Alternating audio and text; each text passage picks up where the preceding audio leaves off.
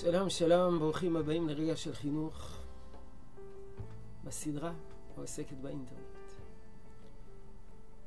ראינו אתמול שאחד המאפיינים של האינטרנט זה הקרבה בין הרע לטוב. מאגר מידע שיש בו טוב ורע, והטוב והרע מאוד קרובים אחד לשני.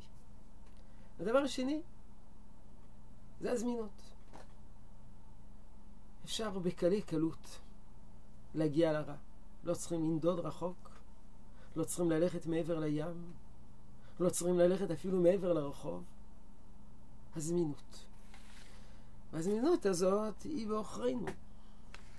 מכיוון שללא מיסים, ולא תכנון אה, והתארגנות, אדם מוצא את עצמו בתוך הרע.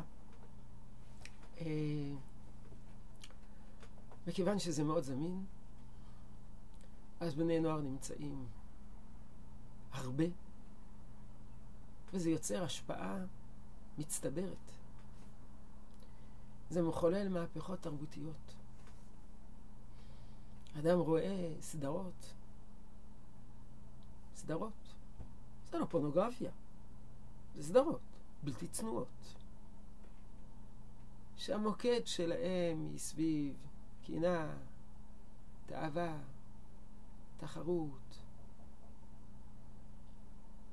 אה, זה יוצר אה, השפעה מצטברת שמחוללת שינויים. שינויים בצורת החשיבה, שינויים בדפוסי התנהגות. אין לי ספק שזה אחד הגורמים לשינוי בלבוש החיצוני של הבנות. לבוש הרבה פחות צנוע ממה שהיה מקובל לפני עשר שנים, חמש עשרה שנים. אה, חינוך קלוקל של חיי המשפחה, הדגם של המשפחה. מה זה משפחה? לא רואים שם משפחה, רואים בעיקר רדיפה אחרי סיפוקים, תענוגות, יצרים. יצר עריות. אנשים מתבלבלים, כבר לא יודעים מה זה משפחה. אז זה הדבר השני. הזמינות מחוללת השפעה מצטברת שמאוד מאוד מאוד אה, משפיע על הנוער.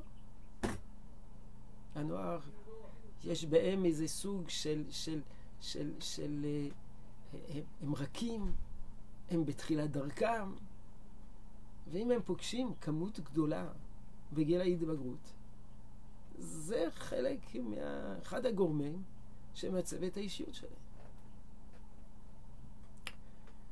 הדבר השלישי שאני רוצה להזכיר, שכתוצאה מהאינטרנט אין מוגנות בבית.